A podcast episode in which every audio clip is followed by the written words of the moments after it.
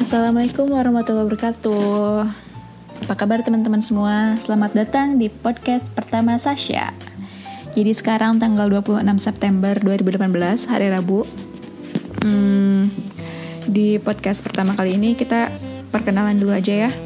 Jadi nama aku Sasha.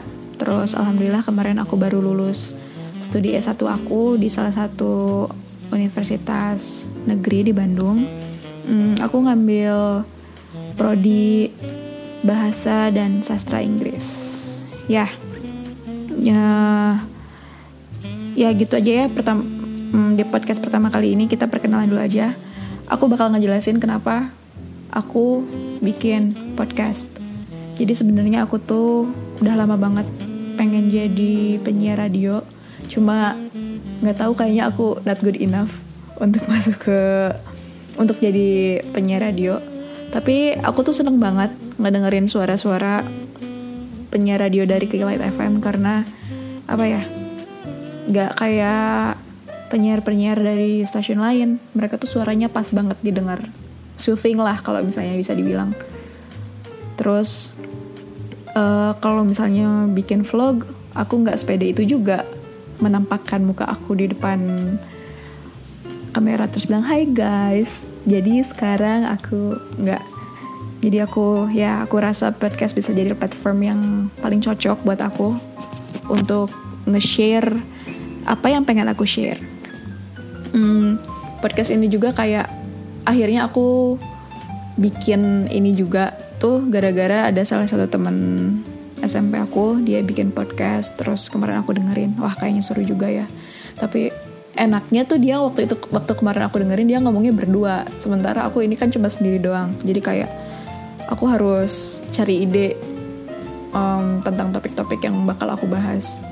Terus kemarin juga ada teman aku yang uh, sekarang lagi di Belgia dia lagi mau S2 uh, eh, apa ya aku suruh bikin vlog kayak gitu atau bikin podcast. Terus ya dia juga bilang sama aku nggak pede kalau misalnya menampakkan muka aku di depan layar kaca ya ya aku juga sama makanya kemarin dia bikin podcast kemarin dia kayak ng ngirim hasil podcastnya gitu sama uh, terus aku dengar ya uh, aku masalahnya aku baru dengar barusan terus padahal dia kemarin uh, ngasihnya tuh kayak dari hari minggu gitu deh.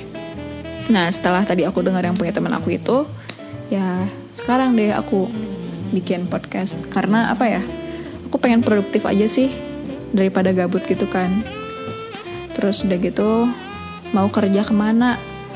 Aku karena udah ini ya masih nyari kerjaan sih tapi aku lagi apply ke beberapa tempat.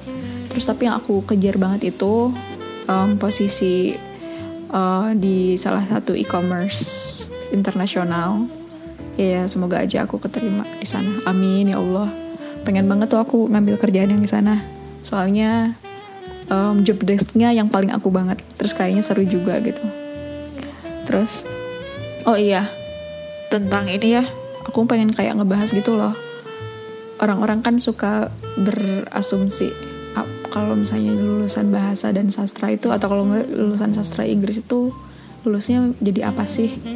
Nah jadi waktu itu ya pas aku apply uh, apply ke universitas ini tuh tadinya nggak mau. Aku tuh tadinya kayak pengen ngejar ke unpad gitu pokoknya apa-apa yang berhubungan sama psikologi. Terus tapi gak keterima SNMPTN sama SBMPTN di sana. Pas satu ketika udah tuh ya SBMPTN gak keterima. Ada temen aku dia kayak nge-share gitu kalau universitas yang sekarang aku masukin ini ngebuka um, jalur mandiri ya udah tuh aku cobain kan. Terus eh aku bilang ke ayah ini ada um, jalur mandiri di universitas itu. Terus kata ayah aku ya udah cobain aja. Cuma ngambilnya jangan psikologi lagi katanya. Cobain ngambilnya bahasa. Soalnya kamu kan emang kuat di bahasa katanya gitu. Oh ya udah. Aku cobain tuh. Pas ngeliat ininya pas ngeliat jurusannya ternyata uh, si bahasa Inggris ini tuh kebagi dua. Jadi emang jurusannya tuh uh, ada eh jurusannya emang pendidikan bahasa dan eh bahasa pendidikan bahasa Inggris. Cuma ternyata dibagi jadi dua prodi. Ada yang emang jadi guru yang nanti lulusnya SPD sama yang sastra yang lulusannya tuh SS nah aku kan bingung ya. Ah, aku yaudah cobain aja yang pilihan pertamanya yang sastra baru pilihan keduanya bahasa Inggris. Eh alhamdulillah tuh keterimanya di yang sastra. Nah orang-orang tuh mikirnya di sastra udah lulus jadi apaan? Banyak sebenarnya kalau misalnya ditanya mau jadi apa. Mau jadi guru lagi juga bisa mau jadi dosen bisa. Itu mah ini ya inevitable. Terus udah gitu maaf suaranya rada serak. Terus bisa jadi jurnalis bisa jadi news anchor bisa jadi diplomat juga. Pada nggak tahu kan kalau misalnya jurusan sastra Inggris bisa masuk diplomat.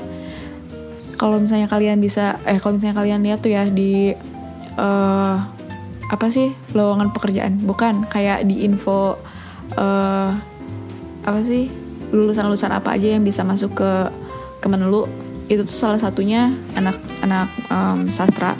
Dan itu nggak cuma sastra Inggris aja bisa sastra Jepang sastra Indonesia. Sastra Indonesia ada nggak ya? Aku nggak tahu. Terus um, pokoknya yang bisa yang berbau-bau bahasa itu bisa kok jadi Kemenlu gitu. Terus kalau aku pribadi sih pengen jadi semua yang aku inginkan. Soalnya aku pengen punya banyak apa sih aku tuh punya banyak aspirasi gitu loh. Cuma bingung aku tuh sebenarnya menonjolnya di aspek yang sebelah mana.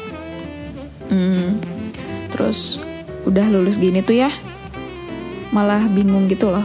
Tapi emang bener ya perkataan kata orang perkataan perkataan orang itu kalau manusia tuh nggak pernah puas. Bener banget sih.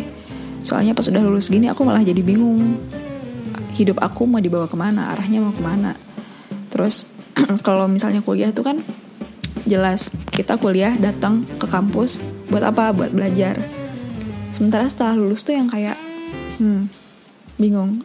Jadi mulai mempertanyakan eksistensi diri ini di dunia. Ya mulai filsafat bahasanya uh, bingung gitu loh. Karena tekanannya juga ternyata besar ini buat aku pribadi ya nggak tahu kalau misalnya buat orang lain. Jadi kayak aku akhir-akhir ini kayak um, anxiety gitu loh. Ada anxiety yang terus-terusan uh, bermukim di dada aku. Jadi kayak ada burden gitu ya. Karena aku juga ngerasa aku umur segini udah nggak pantas lah main-main di segala hal yang aku lakukan.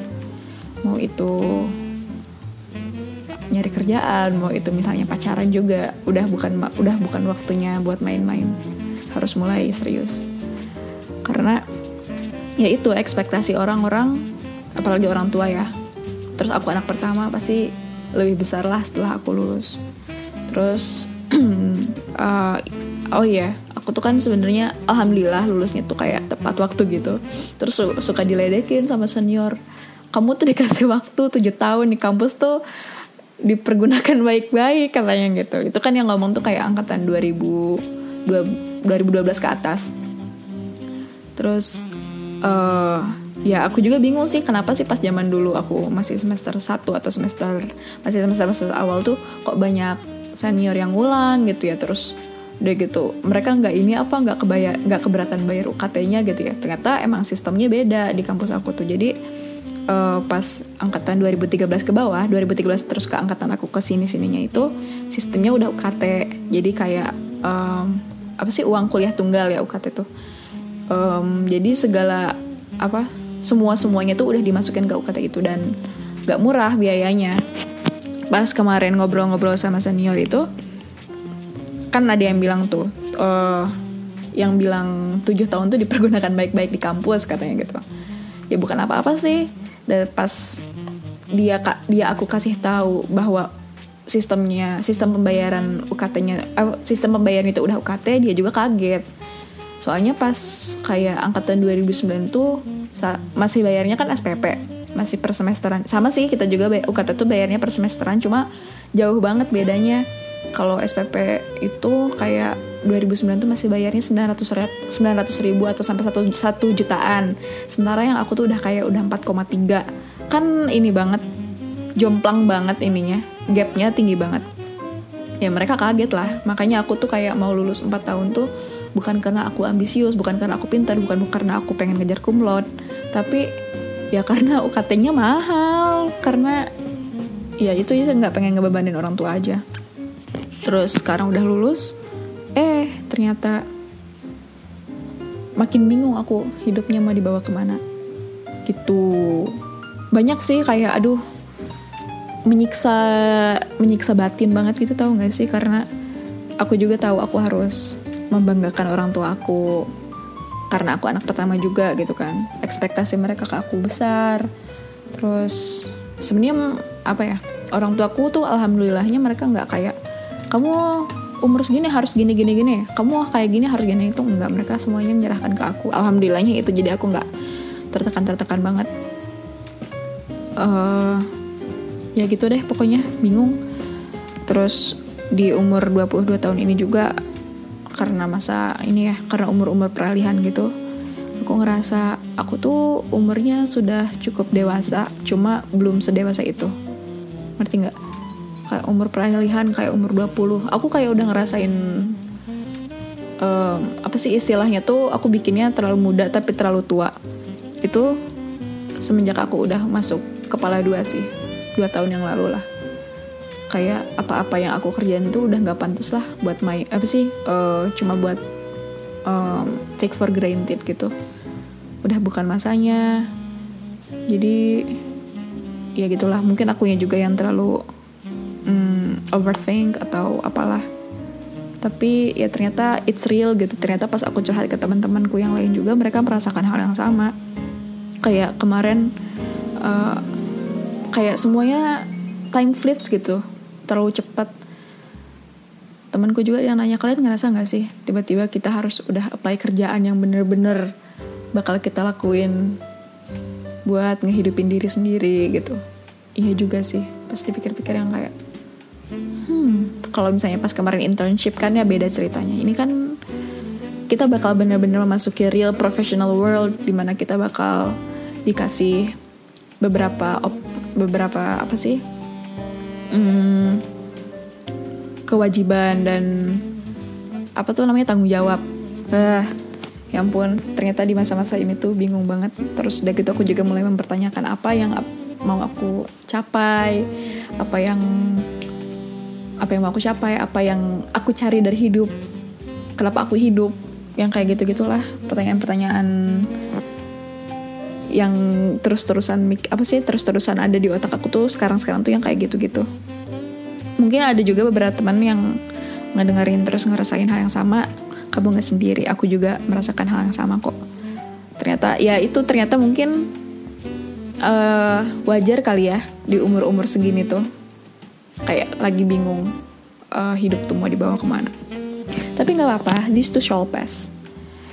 Uh, kayak kemarin aku juga dicurhatin sama uh, jadi lucunya uh, orang yang curhat ke aku ini tuh kan setahun di bawah aku ia masih angkatan 2015 dulu kita pernah satu SMP tapi di SMP kita nggak terlalu deket gitu loh. Pas begitu tahu di kuliahnya dia ng ngambil jurusan yang sama mungkin karena kita udah ada bonding sama-sama dari SMP yang sama gitu ya. Kayak kita malah jadi deket kayak gampang aja gitu dekatnya karena sudah merasakan pahit dan manis yang sama di SMP yang sama ya. Terus dia juga kemarin sempat cerita ya kayak gitu. Sama dia lagi kayak bingung aku tuh mau ngapain sih terus uh, lagi kayak kita tuh lost grip gitu loh. Terus aku uh, sama sih aku juga aku bilang gitu. Aku apalagi tahun akhir tahun lalu aku ceritain kan semuanya. Aku tahun lalu tuh ya uh, akhir Desember 2017 itu kan semester 7 itu tuh kayak lagi banyak-banyaknya assignments gitu. Sementara aku emang ngejar uh, biar bisa lulus 4 tahun juga. Jadi aku tuh kayak uh, lagi ngerjain uh, final assignments tapi aku juga pengen ngerjain proscript uh, proposal skripsi di mana itu harus di turn in bulan Januari. Tapi nggak kesentuh sama sekali gara-gara si assignmentsnya ini banyak banget. Ya Allah pusing waktu itu tuh. Bingung sampai aku nyari-nyari apa sih minta-minta saran ke orang aku harus kayak gimana? Aku bisa nggak sih ngelewatin ini? Tapi orang-orang kayak gitu this to shall pass lewatin aja dulu. Kalau misalnya kamu apa sih stay di tempat ini ya kamu nggak akan tahu nanti ke depannya kayak gimana gitu kan. Dan itulah yang mengerikan. Kadang um, sometimes I think that my world stops gitu. Tapi ternyata ya the earth would just keep going. The, the earth would just keeps revolving around the sun. Walaupun kita ngerasa kayak tiba-tiba dunia kita berhenti seketika gitu ya. Sesaat gitu. Tapi hidup mah tetap aja jalan gitu. Dan itu yang buat aku mengerikan sebuah apa ya paradoks. Aku bilang ya kan? Ya susah senangnya harus kita lewati gitu. Entah mau kayak gimana ke depannya yang penting yang sekarang dijalanin aja dulu. Ya walaupun suka nggak suka gitu kan. Ya mau gimana lagi? Gitu. Ya begitulah itu sebenarnya. Maafin ya aku curhat banget. Tapi itu sih yang aku lagi rasain banget kayak anxiety. Yang benar-benar uh, yang benar-benar apa ya membebani aku akhir-akhir ini. Ya gitu. Dan doain ya semoga aku cepat keterima di yang posisi yang aku apply itu. Soalnya pas aku lihat tuh ya ada 400 gitu ternyata saingannya aku buka di LinkedIn. Dan pas kemarin aku nyobain free trialnya kan free trial LinkedIn itu untuk uh, akses premium premium featuresnya. Dan alhamdulillahnya aku tuh statistically speaking aja sih aku tuh kayak ada di peringkat 10 teratasnya gitu ya. Semoga aja di 10% itu ada kesempatan aku untuk uh, menepati posisi tersebut. Amin ya rabbal alamin ya Allah. Ya jadi gitu aja kali ya um, untuk podcast seri pertama ini. Nanti kalau misalnya udah punya bahasan lain aku bakal bikin podcast seri kedua ya udah deh Semoga kalian yang ngedengerin tetap sehat, tetap semangat menjalani hidup. Kalian pokoknya kalau misalnya ngerasa kalian terbebani sama segala apa sih beberapa hal yang ada di sekeliling kalian, kalian gak sendiri kok. Ada beberapa orang juga yang sama, cuma mereka nggak menunjukkan itu. Ya gitulah, kita semua sebenarnya sama. Kita tuh merasakan anxiety yang sama, merasakan beban yang sama juga. Cuma karena kita sudah dewasa, karena kita sudah merasa cukup uh, mawas diri, kita nggak ya, kita prefer untuk kita lebih uh, prefer untuk tidak menunjukkan hal tersebut ke uh, dunia luar gitu. Jadi kita keep sendiri. Ya semoga kalian uh, selalu apa sih sukses selalu panjang umur ya biar denger bisa dengerin lagi nanti podcast aku yang seri kedua. Itu juga kalau misalnya udah ada udah nemu bahasannya. Terus mungkin insya Allah nanti di beber di seri-seri ke depannya semoga aja ada orang yang bisa menemani aku. Jadi aku nggak ngomong sendiri. Ya gitu aja deh ya. Dadah. Wassalamualaikum warahmatullahi wabarakatuh